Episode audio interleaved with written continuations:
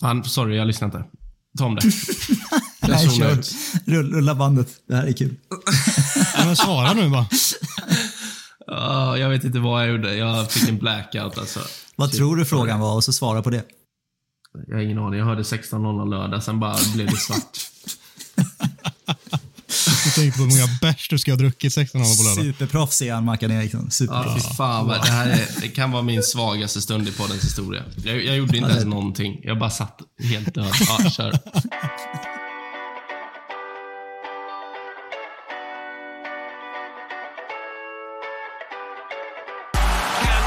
United score? They always score. Rooney! Oh, wonderful! It's Berbatov! It's brilliant! Marcus Rashford! Oh, glorious! That is a special one!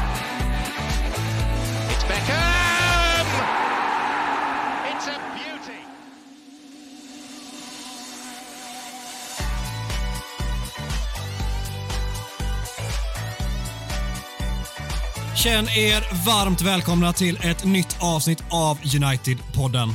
Podcasten som du inte visste att du längtade efter. United-podden görs i ett stolt samarbete med både den officiella skandinaviska supportklubben MUS och United-redaktionen på Svenska fans. Och Mackan, du är givetvis på plats, men utan din sedvanliga golfkeps. Vad är det som försiggår? Ja, nej men nu ser jag inte ut som eh, Jisung Park året längre, så nu tänker jag nu, eh, nu får kepsen ligga på hyllan eh, för idag. Den är säkert tillbaka nästa vecka. Men nu vill jag ändå visa mitt halvnyfejdade svall här. Wow. Liksom. Det, det får vara med ibland också.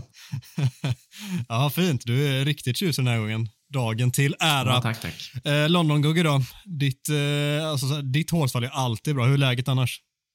Ja, starkt hår och det är, det är bra. Det är kul, kul att se Mackan uh, utan keps. Det känns, jag måste ärligt säga att du har en frisyr som uh, bevittnar att du har haft keps på dig typ hela dagen idag. Uh, och tagit av den inför inspelning. Jag tycker det liksom anar 40-talsvibbar på hur slickad den där, den där sid, sidluggen ligger där. Alltså.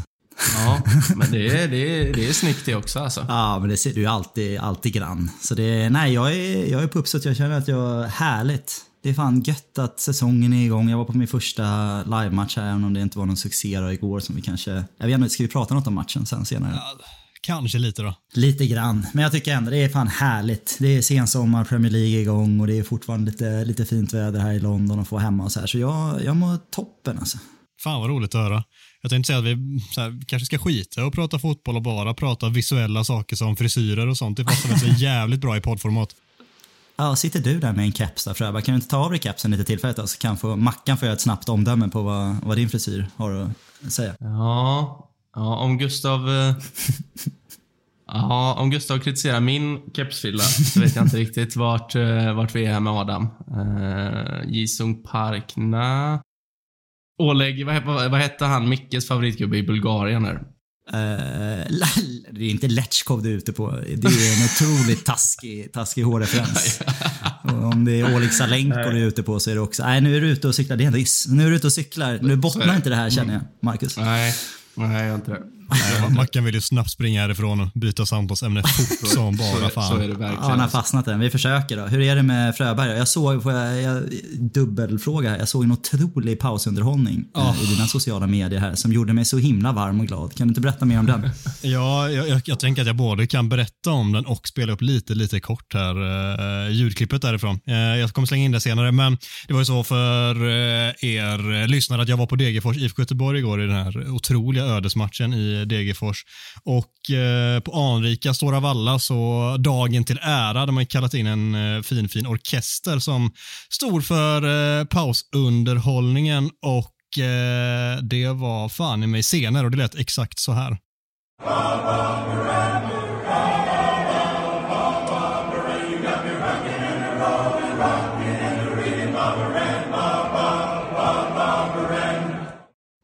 Alltså jag, jag älskar, älskar barbershop. Jag tycker vi ska ha mer, mer barbershop på de svenska arenorna. Det är liksom, vad har vi här? 37 svenska män i medelåldern som sjunger liksom eh, Beach Boys covers Ja. i, eh, i stämma.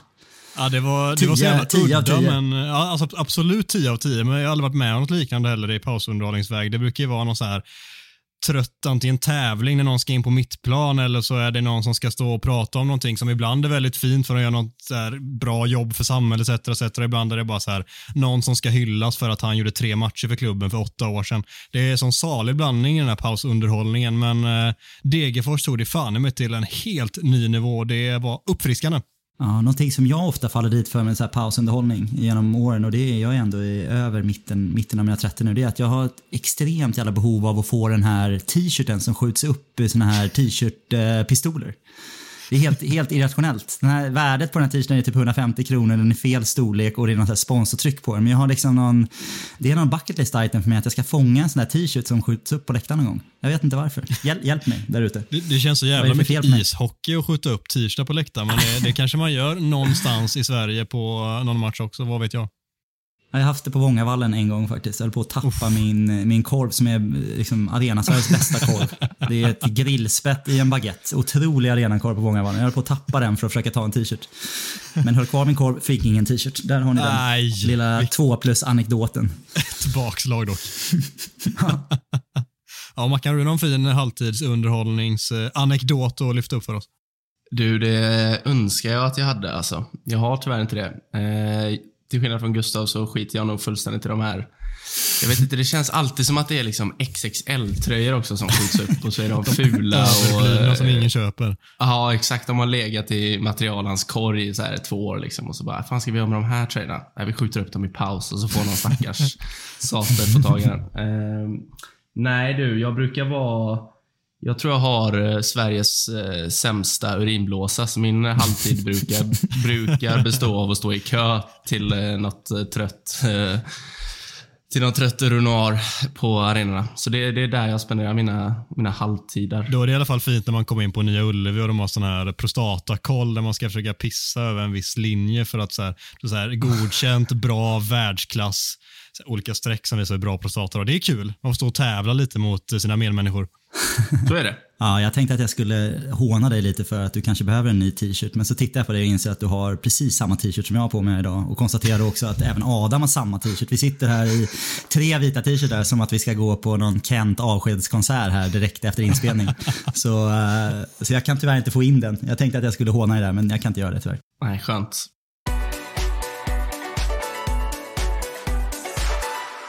United åkte på däng med 2-0 mot Tottenham efter en urusel andra halvlek.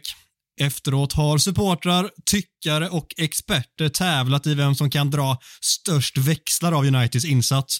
Gustav, vad lägger du dig på kritikskalan här efteråt? Mm, men ge mig en liten flexiskala då. Ge mig något lite otippad skala så kan jag jobba, jobba med det. 1 till 6. 1 till 6 känns, känns väldigt tippat. Då, Känner men då säger vi att 1 är bra och 6 är dåligt då, så kör vi att, vi att vi vänder på det lite då. Då tycker jag att det här är en Alltså hur, hur mycket kritik de ska ha, var det det du sa? Hur dåligt det här var, Mm, hur insatsen? mycket kritik ska de ha för insatsen United? Ja, om 6 då är det värsta möjliga så tänker jag att de ska ha en fyra kanske. Så en, en omvänd tvåa någonstans. Det är, en, det är en ganska dålig insats men det är, ja, det är en dålig andra halvlek framförallt. Vi kommer gå in lite i detalj hur, i varför det blev som det blev. Eh, och det är ju ja, början på säsongen. Vi vet hur det såg ut de första två matcherna förra säsongen. Eh, jag flaggade redan förra matchen. Jag drar inte jättestora växlar över det här. Jag tycker att de, Manchester United skapar intresse eh, och journalister och sociala medier älskar att, att sparka på en vinnare. Så det är, United får mycket skit när inte allting klickar. Så jag tar inte så, så allvar på det här. Mm, ja, jag själv lägger nog mig nästan på en trea där. Jag, jag tycker givetvis att det är en jättedålig insats, men jag tycker att folk ska lugna sig lite, lite grann efter två matcher. Precis som du säger där också. Alltså, vi såg förra året efter två urusla startmatcher att det går att få en rätt bra säsong i slutändan också. Ja, det oroar delar av spelet. Det oroar delar av spelarnas prestationer också väldigt mycket. Men jag tycker vi ska vänta lite grann innan vi är framme med den stora motorsågen och dra igång den på fullt varv. Liksom. Vi får vänta lite grann med det och då tycker jag kanske att en, en medelkritik på skalan känns, eh, känns vettig. här. Vad lägger du i Mackan? Ja, eh, jag vet inte. Eh, lurigt, men jag är, jag är nog mer åt en trea än en fyra i alla fall, tror jag. Eh, sen tycker jag väl också, jag håller väl också med i stort vad ni säger. Eh, även om jag var eh, väldigt eh, trött och irriterad på, på laget efter matchen precis på slutsignal igår. Eh, men eh, Nej, men jag håller med i stort. Man ska inte dra för, för stora växlar på det. Sen tycker jag väl att det finns ganska många oroande tendenser i spel, speluppbyggnad och energinivå som, som oroar mer än kanske spelsätt och missade målchanser och liknande. Mm. En stor del som jag tycker är eh, kanske, kanske det allra, nej, men jag skulle nog säga det största problemet just nu är så många förväntade stjärnspelare, bärande spelare som inte i närheten kommer upp, och, upp i sin nivå. Och Då känns det väl alldeles utmärkt att du får börja med en eh, veckas macka här och gå igenom vad du tycker eh, förtjänar kritik och eh, lite beröm möjligen från den här insatsen. Ja, och nu är vi ju här. Jag kommer ihåg att jag varnade er i Bibeln här för att Mackan är för positiv och det, det är inte bra. Och så höll jag uppe det i förra avsnittet och trots en svag insats så skulle jag ändå hylla två och, och bara såga en. Så nu blir det en sån här gammal hederlig, eh, hederlig macka här. Att det blir tre dåliga insatser som ska lysas upp. En så, så omgång hellre. En omgång hellre och så är vi tillbaka. Ja, ja så är det. Men jag, jag, det känns som att jag, jag är bäst här. Jag är ganska svag på liksom, jag, jag, är ganska svag på att vara positiv och hylla spelare. Jag är bättre på att liksom såga dem vid fotknölarna. Så det, det är här jag är hemma. Eh, jag gillade ju nya efter... Moderaterna. Nej, men nya Mackan. Jag tyckte att det var, det var härligt, den här nylanseringen som du har haft. men vi är tillbaka nu. Ja, nej, men jag, jag känner så att man, eh, alltså efter Wolves-matchen så var jag snäll. Eh, och jag hade kunnat vara lite snällare idag också. Jag tycker ändå det finns någon positiv insats igår, även om det är svårt att se just på slutsignal. Det var, då, då tyckte jag att alla var värdelösa. Liksom. Eh, nu har jag väl landat i det och så, så dåligt var det väl inte i 90 minuter. Men vi, vi kör ändå tre, tre kassainsatser och så börjar vi med den som var tredje sämst och så går vi uppåt helt enkelt. Mm, jag, jag, går med på det, men jag vill ändå att du i slutändan ska lyfta. Du måste välja en som du ändå tycker står för kanske den bästa insatsen i United, även om det, du själv kanske tycker den är godkänd, vad vet jag, men du behöver ändå landa en bra, så jag tycker vi ska få eh, se lite positivt mm. också från den insatsen. Så, men eh, ja, välj ordning ja. själv. Ja, men jag, jag, kan börja med det. Eh, Onana eh, höjer jag som Uniteds bästa spelare. Eh, och bästa utespelare är Wan-Bissaka. 100% mm. i början på den betygssättningen. Alltså. Hade, inte, hade inte sagt det bättre själv. Andra, andra matchen i rad, Wan-Bissaka grym. Andra matchen i rad, eh, Onana nästan till prickfri. Fan vilka jävla passningar han slår bitvis. Det är så jävla ja. befriande att se. Ja. Och ett par eh, vassa ingripanden också bak, alltså i, i sitt målvaktsspel också förutom med fötterna. Så solklart att eh, Onana är bäst. Mm.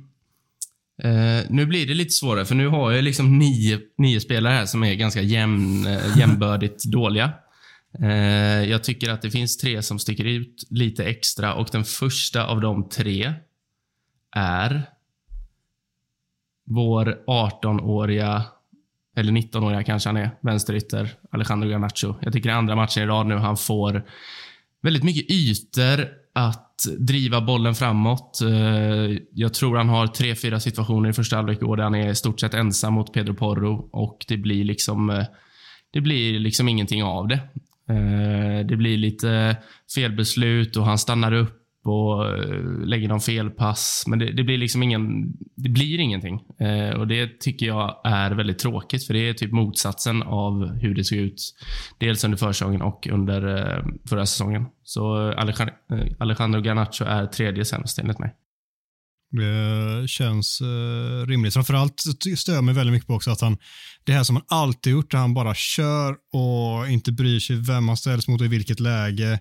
Helt orädd som han har varit tidigare. Det känns lite bortblåst och sen så att han även nästan blir lite självisk emellanåt eller vill göra det själv för att han inte känner att det funkar. Han har chansen att spela in Rashford ett jätteläge men liksom tar inte den. Det är sådana grejer som stör mig allra mest. Och så, liksom, han kom inte in i matchen överhuvudtaget så um, rimligt att du lyfter upp honom. Jag vill jättegärna höra vilka de andra två är.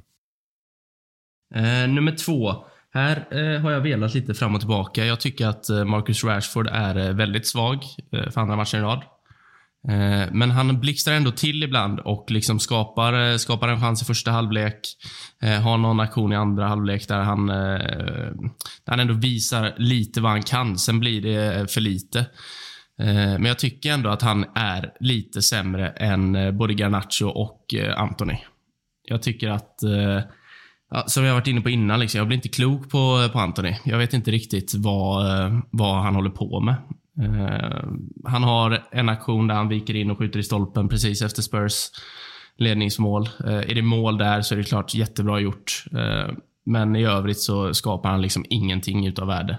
Eh, stannar ner anfall, eh, tar sig inte förbi sin gubbe, är alldeles för svag i, i kroppen när han ska komma ner och möta. Eh, tappar oerhört mycket boll och eh, ja, är väldigt ofrenetisk när han har boll. Alltså han vill, det ser inte ut som att han vill eh, skapa någonting heller.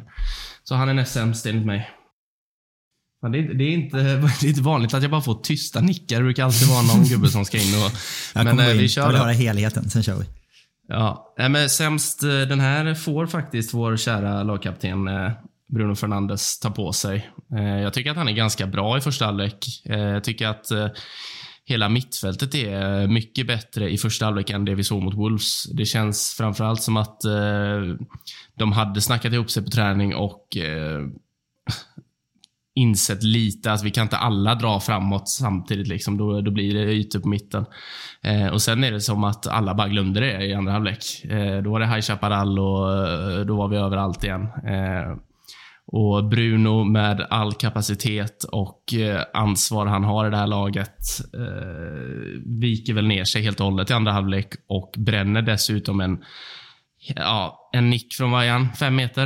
Eh, så där ska det vara 1-0 och då är det en annan match. Eh, och sen har vi den här Bruno i andra halvlek som är typ desperat efter att skapa någonting och vill verkligen och det gillar man med honom. Men när det inte funkar så blir det nästan parodiskt hur, eh, hur, eh, ja, hur desperat och eh, onödigt det ser ut. Så jag, jag tycker att han är sämst. Han får, han får ta den. Ja, ska jag hoppa in där? Jag tycker att eh, det är mycket, mycket som jag håller, håller med om här. för att om vi, om vi börjar från omvänd ordning så tycker jag ändå att jag tycker att det är lite hårt mot Bruno. Jag, jag är en av de första att skriva under på hur frustrerad man är när man ser att spelet inte klickar för honom. Eh, både kroppsspråk och även eh, överambition i sättet han spelar. Jag tycker att han är en av våra bättre spelare, om inte den bästa utspelaren i alla fall första halvlek. Eh, så jag tycker att det väger väl upp lite där, men missen är katastrof så det kanske drar ifrån lite igen då. Så det kanske, helheten kanske blir där någonstans. Men jag tycker att om jag ska kommentera de två de två yttrarna så håller jag helt med. Jag tycker att det är alltså, två matcher i rad när de är riktigt dåliga insatser.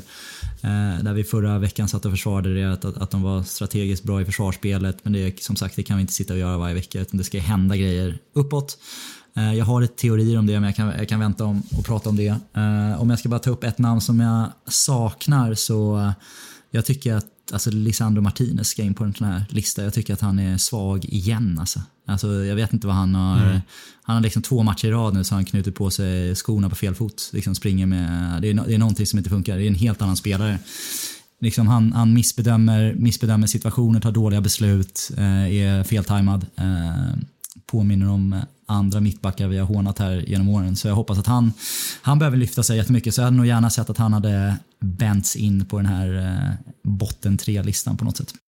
Mm, det finns många där som man kan, eh, som jag tycker där och konkurrerar också. Alltså jag tycker Mount är väldigt svag också. Jag tycker Casemiro också är inte alls i närheten av den Casemiro man förväntar sig i eh, dels det här United men också i, i den här matchen. Han har ju varit som allra bäst i stormatcherna men är helt borta den här matchen också. Men eh, för att eh, någonstans koka ner i någonting så håller jag verkligen med dig Marcus om ordningen på eh, topp tre-listan i slutändan. Jag tycker Bruno förtjänar att vara den som är sämst. Det var den som jag satt och svor åt mest också under matchen, framförallt i andra halvlek där jag tycker att han, det enda han gör är att bara slå bort passningar, tappa bollen, liksom står ut med händerna konstant och det, det är liksom ingenting som stämmer för honom. Och han har inte så många matcher på en säsong när det är så. Alltså det är väldigt, väldigt få.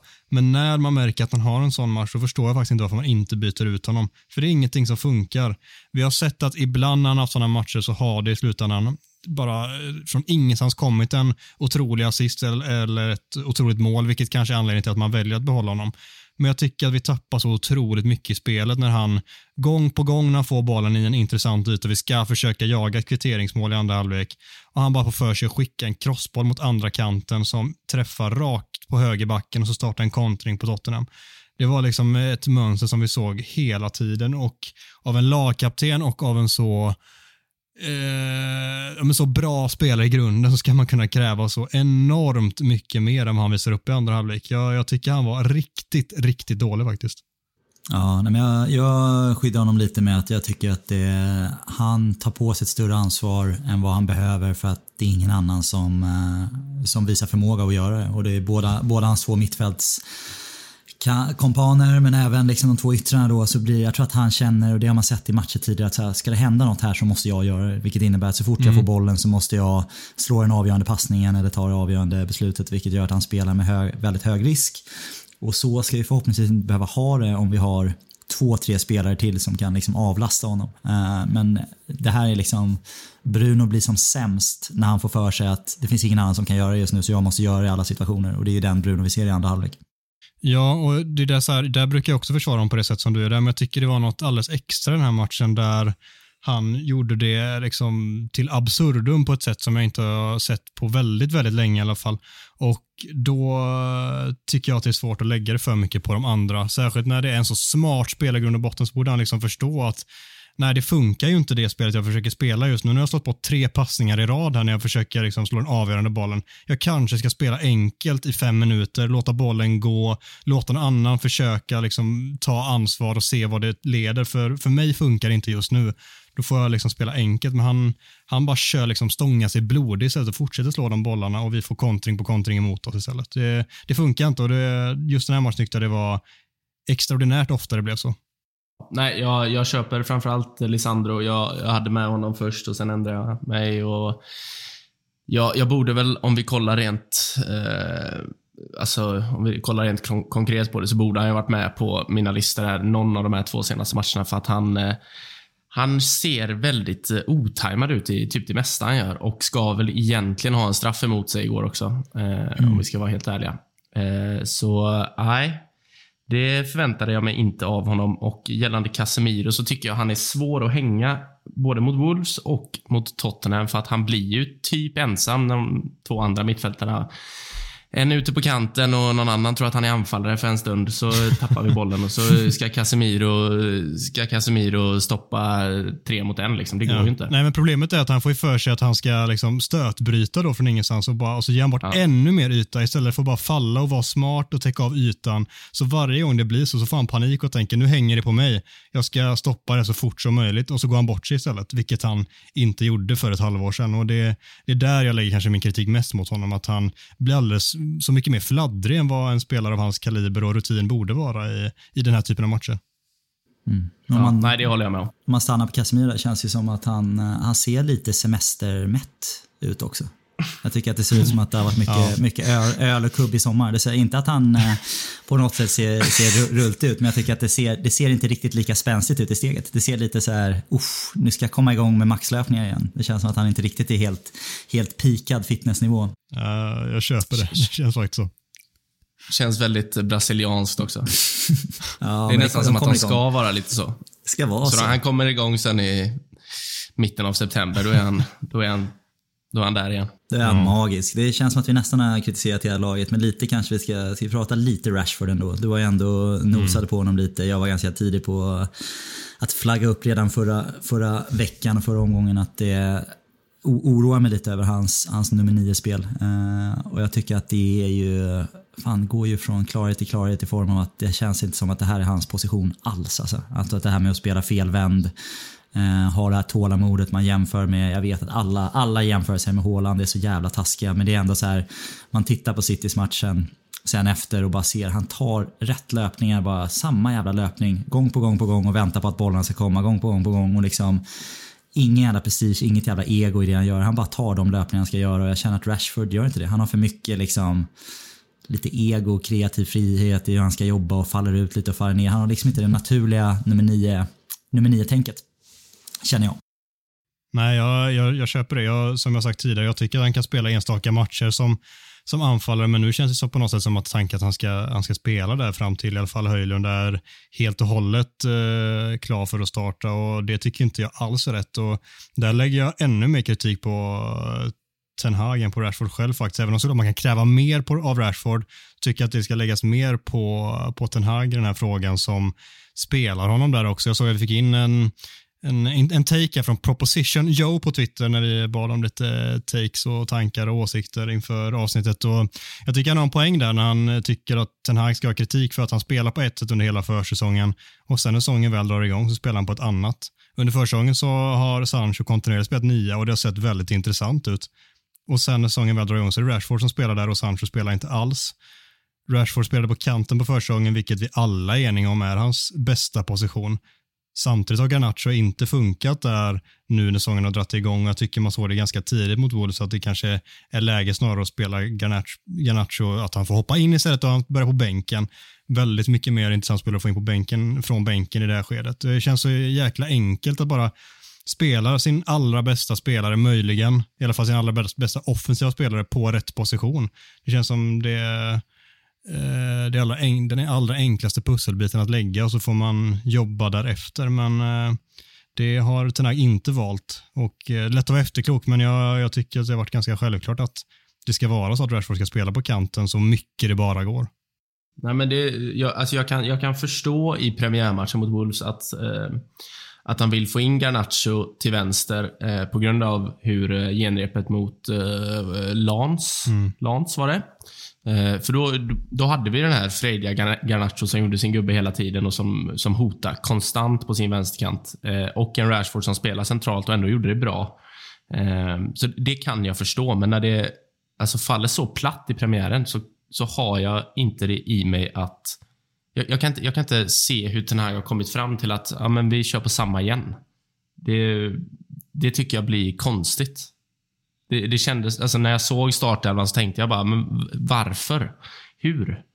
Eh, så det, det, det, är väl där jag eh, också kan ifrågasätta Ten Hag mer, mer än Rashford. För att jag, det har väl varit klart i ganska många år nu att Rashford är bäst ut, eh, ute till vänster och det visar han ju kontinuerligt under hela förra säsongen. Så jag, jag, tycker det är märkligt att han ska in och pilla och in med Rashford i mitten. Jag tycker det är konstigt. Ja, det är ju uppenbart en konsekvens av att vi inte har löst nummer nio situationen och även om vi får in en, en Höjlund, en ung Höjlund här med ingen Premier League-erfarenhet eh, så är det förstås mycket. Jag, jag har sagt att jag tror att han kommer bli succé, succé och det tror jag, men eh, det är klart mycket tyngd att lägga på, på en ung spelares axlar. Så eh, nej, jag, jag, tycker att det är uppenbart att Ten Hag håller på att laborera om för att man inte har de bitar man vill ha och då blir det liksom att det det blir alltid drabbat någonstans och framförallt när Garnacho och Anton inte riktigt är i form så eh, blir det liksom än, ännu värre för, för Rashford. Så eh, ingen bra insats i alla fall, den saken är klar. Så är det verkligen. Någonting mer som vi tycker är viktigt att lyfta upp här då. Det var eh, ett jävla rabalder efter premiärmatchen om en straffsituation i slutet som eh, United då rånade Wolves på eh, poängen enligt allt och alla. I den här matchen ska väl United ha en solklar straff i första halvlek som inte blir av och som såklart hade förändrat både matchbild och möjligen utfall också, eller? Så är det. De ska väl också, det ska sägas att jag, jag vill inte in och peta i handsregeln, vi har varit inne på det här tusen gånger under den här poddens historia. Eh, jag, jag, jag förstår den inte. Men om inte det där är straff, då har jag svårt att se vilken hands är straff. Eh, sen ska Tottenham ha en straff i andra halvlek, eh, som jag inte heller förstår hur det inte blir straff. Och sen ska ju faktiskt Pelistri ha straff i slutet av matchen också. Så det är väl ingen kanoninsats av, av domarteamet, det kan man väl konstatera. Eh, så de kanske ska ha sig en liten slev av Mackans skit här också egentligen. Men jag, eh, jag har typ vant mig vid att de är usla. Ja. Eh, men och, och det, är inte det därför United nu... förlorar, men jag tycker det, liksom, det blev ett sån jävla surr om det när United vann. Och inte alls på samma sätt nu, vilket vi alla förstår varför det blir så också, men jag tycker det är värt att lyfta upp. Nej, men det är trams. Men det är också det där att liksom, eh, man får se säsongen över, över hela säsongen. Det är ingen idé att prata om effekten av att en match och det avgörs hit och dit. Över, över 38 omgångar så brukar det liksom jämna ut sig. Eh, man får lite emot sig och man får lite med sig. Så nu fick vi emot oss och förra veckan fick vi med oss och då, så blir det kan väl bara ta med oss att vi kan hoppas att vi får det med oss nästa gång ordentligt eh, och att kanske att Bruno eller Rashford kan sätta sina nicklägen eller någon annan god gubbe som får smälla dit bollen. Det kan inte vara som att vi är superform framför mål direkt. Jag vet inte hur många nickar de hade. Som de hade. Någon hade läst en brief innan att den svaga luckan är precis ovanför hans huvud. Så alla, alla nickar vi satte var liksom precis antingen ovanför ribban eller hans... Han gjorde ju någon räddning där också. Så det var ändå så jag kände att... så här, ja, är vad- riktigt bra räddning. Ja, ja, den ser ju bättre ut än vad den är tror jag. Men det, är- det är en bra räddning. Men jag känner så här, vad hände med den här gamla nicka ner i backen? Liksom, alla vet väl att bollen ska väl ner. Liksom. Det här med att liksom sätta den i målvaktshöjd under ribban precis ovanför hans liksom, huvud. Det är väl inte där vi gör målen. Det är väl sämsta möjliga platsen att sikta på. Så är det. Det är inte lika snyggt när den studsar i backen. Det är ju det det handlar om. Nej, det är väl det. det Jo, det är för fan ännu snyggare. Det är ju det snyggaste som finns när hon nickar ner en sten och Det är nickar backen och så verkligen upp i inte det nättaket. snyggaste som Upp i finns. nättaket. Älskar det alltså. Älskar det. Ja, det är sant. Jävla skev världsbild.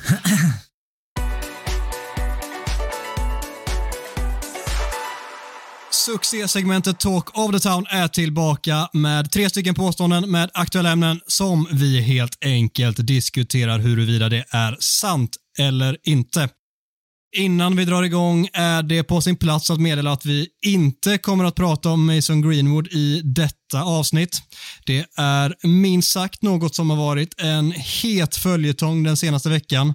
Men vi väljer att vänta med vårt stora snack om hela den toxiska soppan till ett slutgiltigt beslut är taget. Och eh, kommunicerat så tar vi det helt enkelt där och då med eh, helheten i beaktning. Istället lyder veckans första Talk of the Town så här.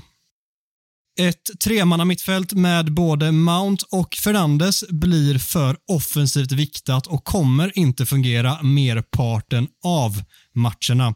Jag tänker att eh, Mackan ska få börja med den här. Ja, alltså det, det kan ju vara att man är för snabb på bollen här. Det har gått två matcher och eh, man, ska inte, man ska inte ta... Man, man ska inte alltså, såga någonting som har pågått så kort tid. Men jag, jag tycker att man har sett de här varningssignalerna redan innan säsongen drog igång. Eh, och jag har väl eh, fortsatt väldigt svårt att se varför Mason Mount blev vår stora mittfältsvärvning eh, inför den här säsongen. Där det länge har varit tydligt att vi saknar en, eh, ja, men en spelfördelare, en djup spelfördelare. Det är väl det vi har skrikit efter i jag vet inte hur många år. Eh, någon som kan styra tempot på ett annat sätt som inte Casemiro gör, som inte Bruno Fernandes gör. Eh, och det gör ju inte Mason Mount heller. Eh, så jag tycker egentligen att hela detta mittfältet skriker obalans. Eh, jag, eh, jag tycker att Christian Eriksen gick ner sig under våren, men man får ändå en helt annan trygghet med honom på plan. Eh, han, han bidrar med lugn, han bidrar med passningssäkerhet och eh, ett tänk som varken eh, Mount eller Bruno har. Eh, utan de bara kör och det är något fint i det. Men eh, det funkar inte när man ska para ihop dem på ett mittfält. Eh, för det blir att eh, Casemiro blir ensam städgumma. Eh, så jag, eh, jag håller med om detta påståendet. Eh, det kommer inte funka. Eh, ja, nej, men det är ju svårt att inte hålla med om att det inte har funkat i alla fall de här första två matcherna och har inte heller kanske lit the world on fire under, under försäsongen. Eh, Däremot så är jag inte lika övertygad om att det här är, är eh, en non-starter, att det här inte skulle funka på sikt. Utan jag, jag tror, eh, jag hörde väl också Ten Hag prata om det här i veckan, att han eh, att Mason Mount ska tränas om lite, att han ska inte spela exakt samma roll som han hade i Chelsea, utan det är lite nytt för honom att han ska successivt falla lite djupare, eh, vilket är nytt för honom och det kommer ta lite tid. Jag är helt övertygad om att när Mason Mount kommer in i det sättet som Ten Hag vill spela, man märker just nu att han är, det finns en ängslighet tycker jag över Mason Mount där han är väldigt osäker, att han inte är, han spelar inte det spelsystemet han är van vid eh, och har liksom inte riktigt hittat det naturliga flytet i hur han ska förhålla sig till den nya rollen. Men jag tror att när han kommer in i det så tror jag att vi kan ha ett ganska dynamiskt mittfält där på något sätt så kommer det kunna fördelas mellan Bruno och Mason Mount i viss mån att vara den här lågt sittande spelfördelningen. Jag tror att man kommer kunna alltså, ha så pass mycket rörlighet i mittfältet att de kommer kunna vara lite utbytbara i sina roller. Just nu så blir det väldigt statiskt att Bruno ligger högre upp, Mason Mount ska gå, vara någon tvåvägs emellan och Casemiro sitter lägre. Men jag tror att det är det där kommer kunna ändras på sikt. Så jag, jag är ganska fortfarande nyfiken och tror att det kan bli bra med Mason Mount. Jag är inte helt övertygad om att vi behöver, behöver en annan mittfältare där. Utan jag, jag slår ner det, det påståendet och säger att det, det där kan bli bra med Mason Mount.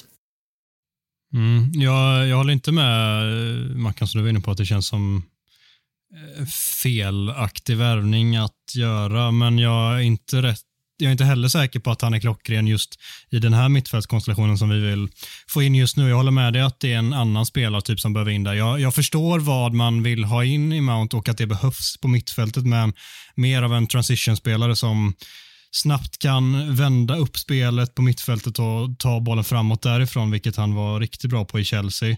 Men när han istället ska skolas om till den rollen han nu ska få, så är jag osäker på om han är rätt person att använda den rollen. Då tror jag att nästan man skulle ha sökt en annan typ av spelare. Med det sagt så är det en spelare som jag tror kommer vara jättenyttig för att ha i laget och använda i väldigt många matcher i olika roller. Men jag är osäker på om han funkar i den rollen på det mittfältet som vi har nu med Casemiro och Bruno Fernandes. Jag, jag tror inte att det kommer funka under de, ja, men vad var det vi sa här, under merparten av matcherna. Jag tror faktiskt inte det kommer göra det. Jag, jag blir jättegärna motbevisad, men jag, jag är med på Mackan sådär att just det här mittfältet, det, det ser för ihåligt ut. Det saknar vissa viktiga komponenter i just tryggheten, eh, som Mackan var inne på, med passningsfot, med Eh, Eh, med lite temposättande spelare som vi inte har alls, som vi måste egentligen få in, tycker jag, i, på det mittfältet eh, i transferfönstret, gärna liksom innan nu fönstret stänger såklart, men det, det känns som att det kan bli tajt också. Men jag hade jättegärna sett att vi fick in den typen av spelare, för det tror jag skulle göra jättestor skillnad. Med det sagt tycker jag inte att Mount är en dålig värvning per se, utan jag tror att han kommer vara viktig för oss, men just det här mittfältet, nej, det, jag tror inte det kommer funka i merparten av matcherna.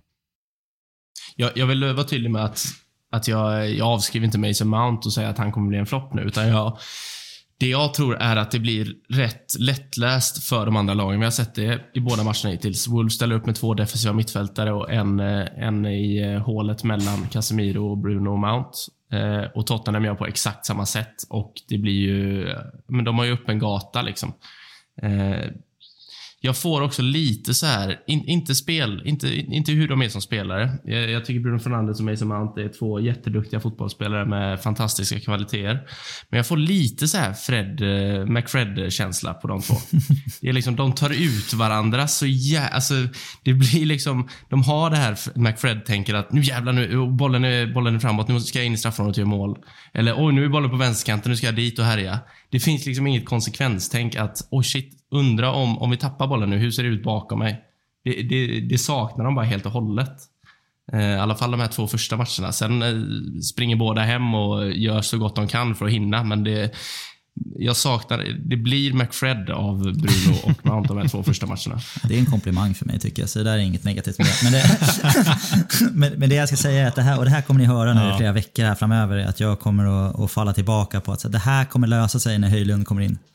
Det, det, kommer jag svara på typ alla, alla våra kritiska taktiska, taktiska frågor framöver. Tills jag är bevisad Vad lite press du lägger på honom.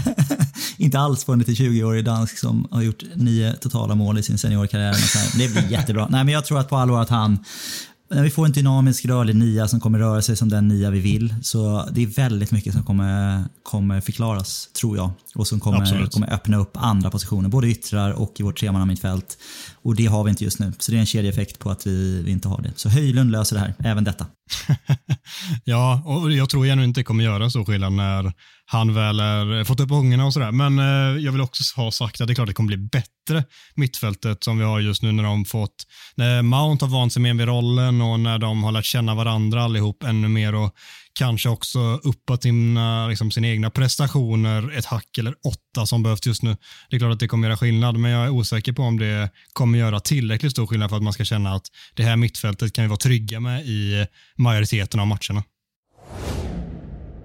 Det är värt att köpa ut delar av Harry Maguires kontrakt på omkring 7 miljoner pund för att han ska lämna klubben i sommar.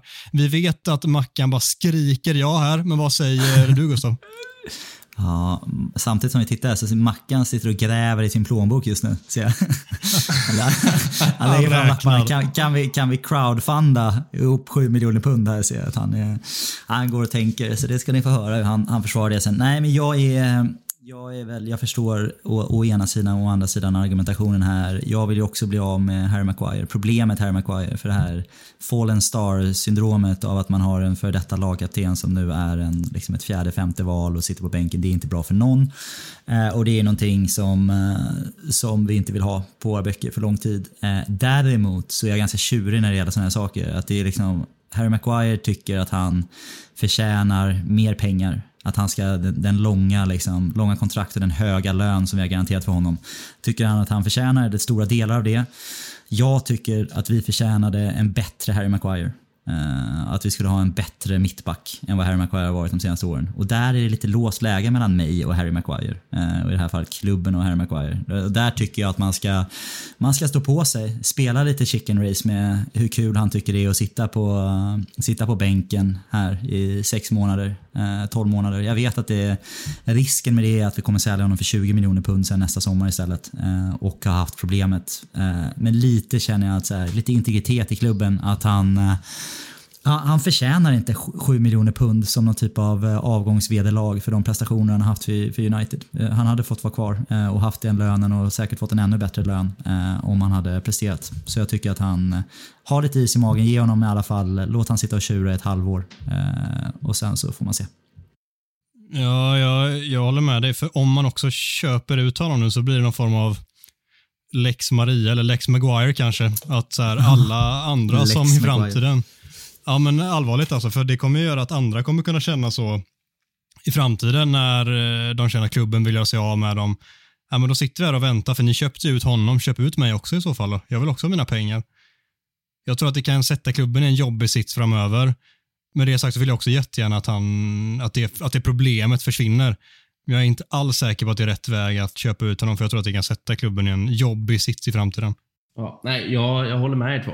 Jag tycker inte att, jag tycker inte att eh, klubben har gjort något fel här. Jag, jag, jag landar i att eh, så här, Harry Maguire, jag förstår att han vill ha pengar. Han har en eh, fet lön. Han eh, har tid kvar på kontraktet och har precis fått en förhöjd lön också av att vi är i Champions League. Så det är klart att han förlorar en del pengar på att gå till West Ham. Samtidigt så, vad är hans ambition liksom?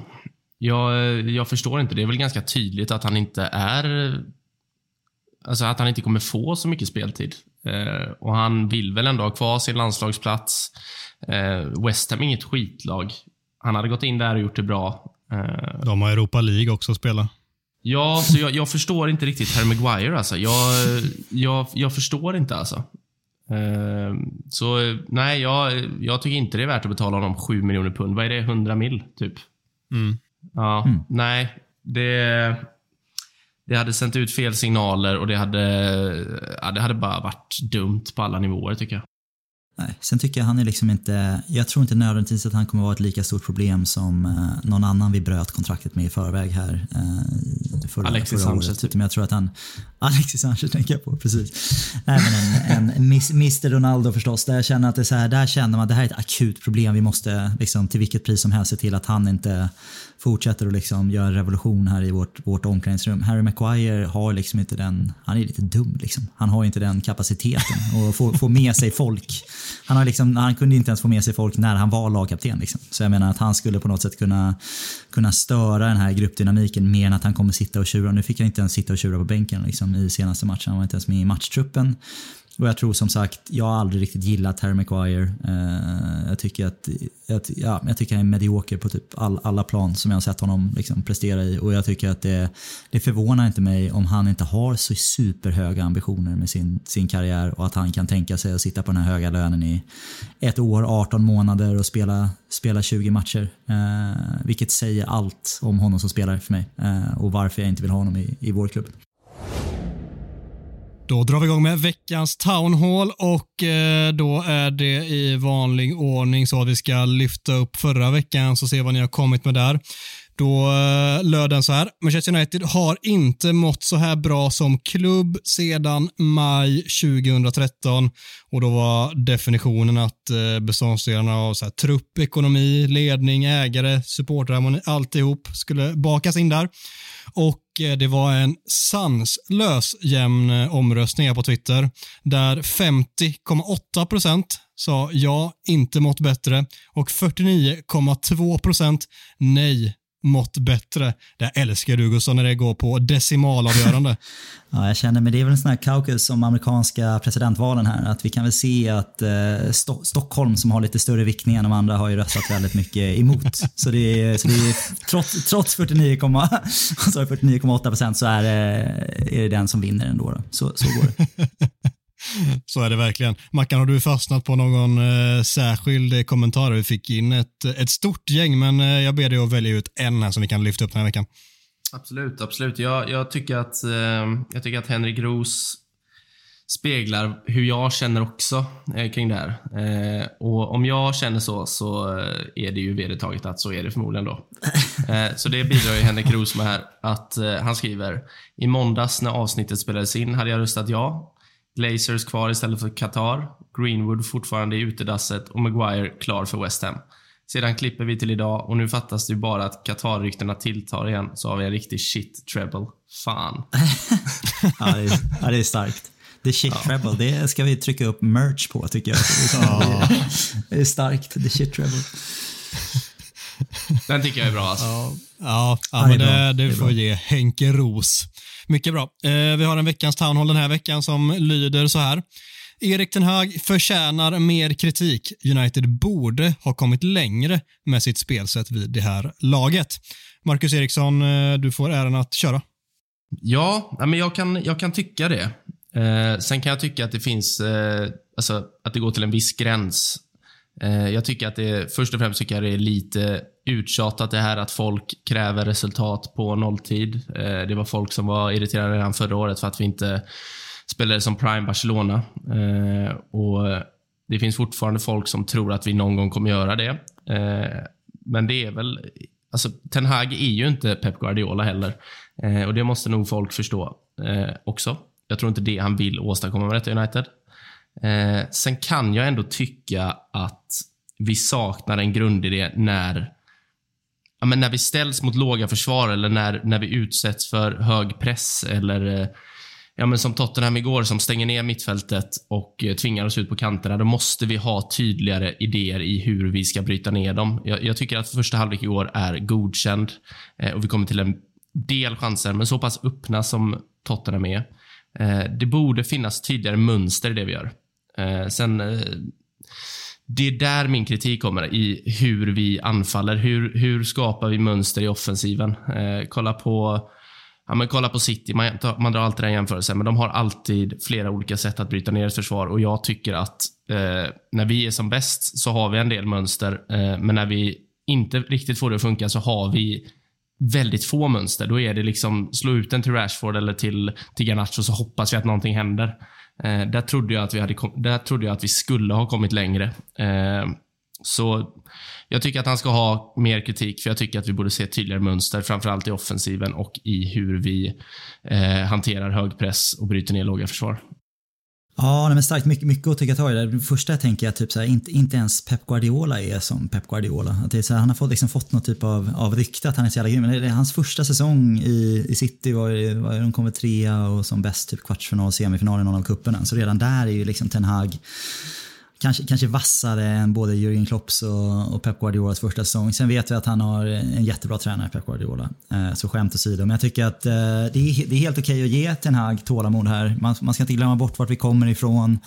Eh, det var liksom hela, hela husbygget var stökigt när Ten Hag kom rent, rent prestationsmässigt. Framförallt var försvarsspelet kaos och det, det tycker jag han satte väldigt, väldigt bra förra året och det kändes som det fundamentet vi ska fortsätta bygga på.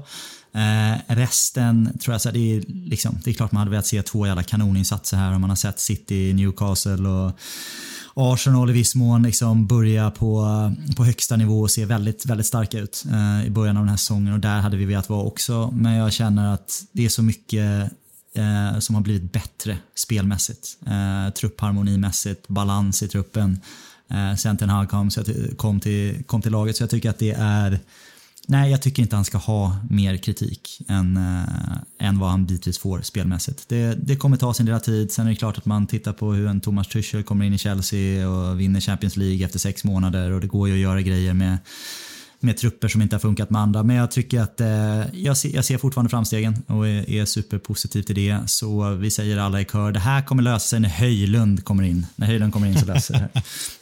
är det tredje gången du har sagt det i det avsnittet nu? Ja, jag tror det. Jag säger det en till. När Höjlund kommer in, då löser det sig. Fyra gånger har vi det. Nu har vi hamnat in det. Vackert. Nej, men så här, jag, jag köper, jag hör vad de båda säger och jag tycker nog inte att Den Hag förtjänar mer kritik för sitt spelsätt än man får. Jag tycker att ändå vissa lyfter upp eh, rimlig kritik på det och jag tycker att jag håller med i mycket av den kritik som finns. Sen ska man inte gå för hårt åt det och sen finns det de som blint säger att det, det, det är jättelugnt och det känner jag nog inte riktigt heller. Jag, jag tycker absolut att det finns kritik att lyfta fram som Mackan gör. Jag tycker inte att United saknar en spelidé eller en tanke hur de ska utföra jobbet, men jag tycker att den utförs för dåligt eller alternativt ibland att den är att den kanske hade kunnat vara lite bättre beroende på vad jag har för motstånd och sådär. Men för att koka ner det till någonting så nej, han förtjänar inte mer kritik än vad han får, men jag tycker att man ska lyfta upp kritik som ändå kommer och den är rättfärdigad många gånger att det, det borde nog se ännu lite bättre ut. Men jag tycker verkligen inte att vi ska måla fan på väggen än, som vi sa tidigare här i avsnittet. Det har gått två matcher. Det gick väldigt mycket sämre i fjol de två första matcherna. Det gick en bra säsong. Vi har det bättre ställt nu. Vi kommer få in fler spelare. Höjlund. Vi kommer också Eh, ja, men jag, jag, jag tror att det, det, är en liten omställning också med det spelsättet som vi spelade i fjol gentemot hur Ten Hag nu vill omvandla laget lite grann till en ännu mer offensiv fotboll. Han står högre upp med backlinjen och det är en liten omställningsperiod som jag tror också kommer ta lite tid i början. Men när den sitter så tror jag att vi kommer ännu bättre än vad vi var i fjol också. Vi får bara hoppas att det sker mm, Ja, inom ett par veckor i alla fall, för vi vill fan inte tappa för mycket på de lagen som ser ut att gå väldigt, väldigt bra direkt. Vi, det får nog ske ganska snabbt, men än så länge känner jag mig ändå rätt lugn vill jag säga.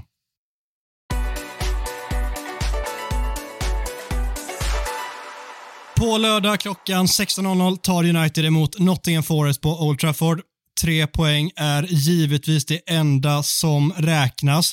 Och visst är det dags att sätta ner foten och visa att detta lag inte är så dåligt som det målas upp som, Mackan.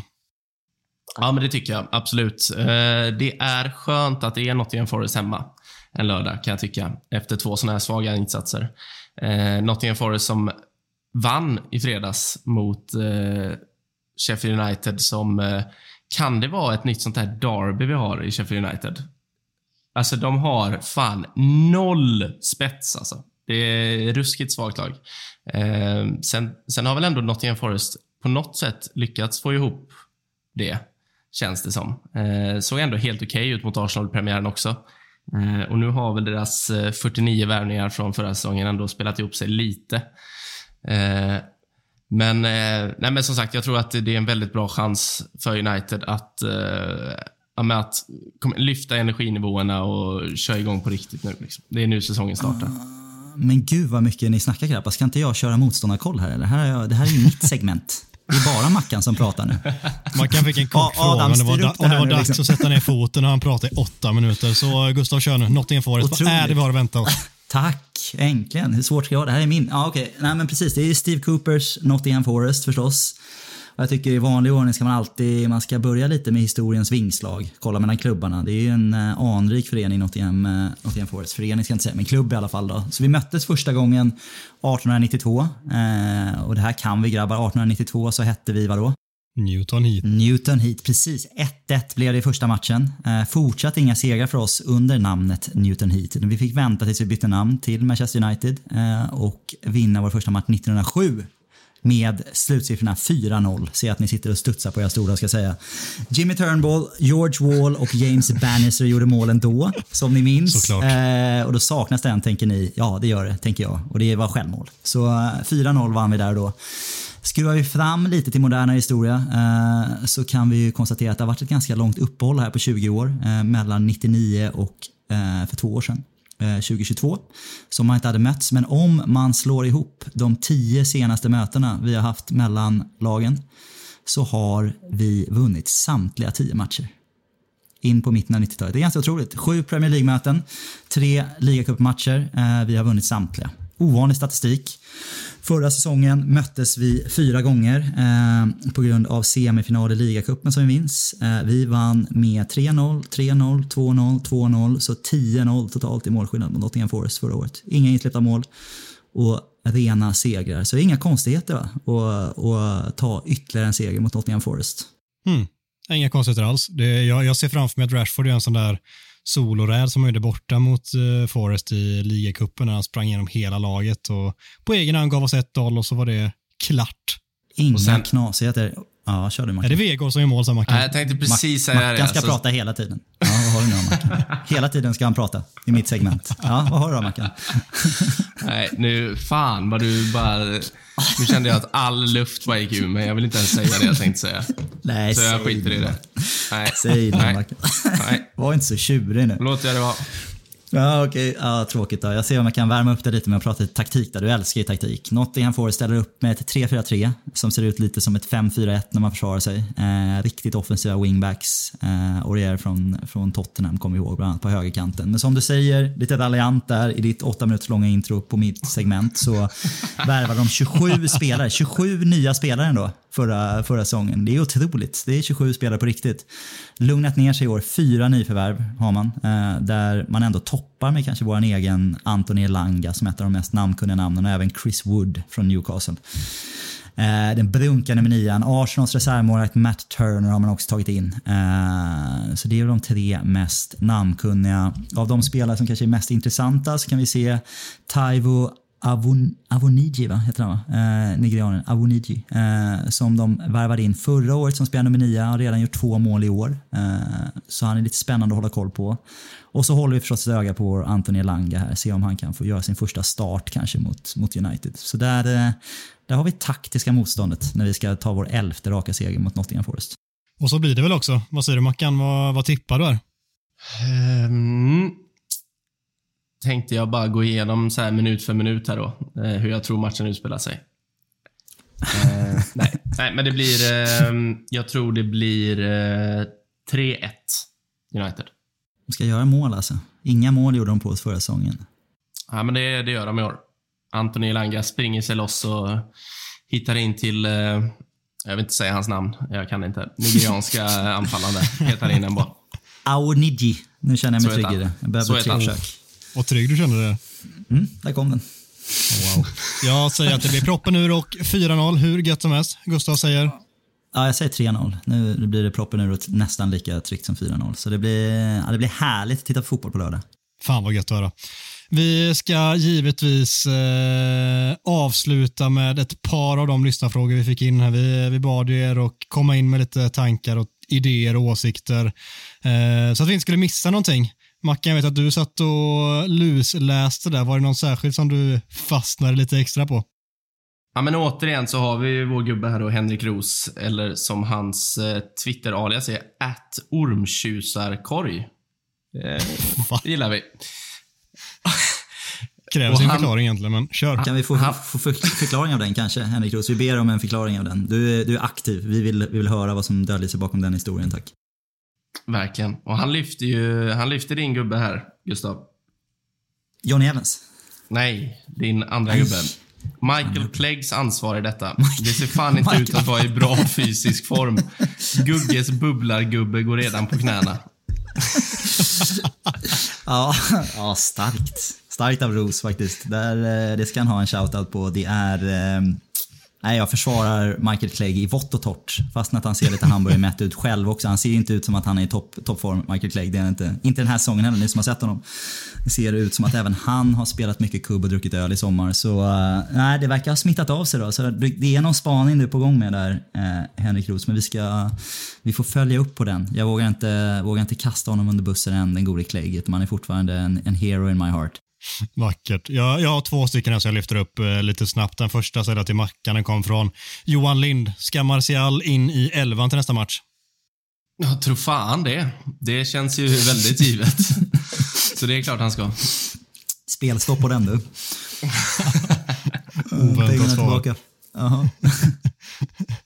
Ja, fint. Vi har en sista fråga. Den kommer från eh, Jerry Aljung. Och det här är en serie som jag i alla fall aldrig har hört talas om. Vad tyckte ni om andra säsongen av The Bear?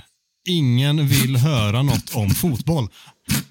Ja, det här är... Jag vet inte vem den här är. Det här kan man tro att jag har planterat där på sätt. Jag, jag skulle jättegärna prata ett helt avsnitt om tv-serien The Bear. Är det sant?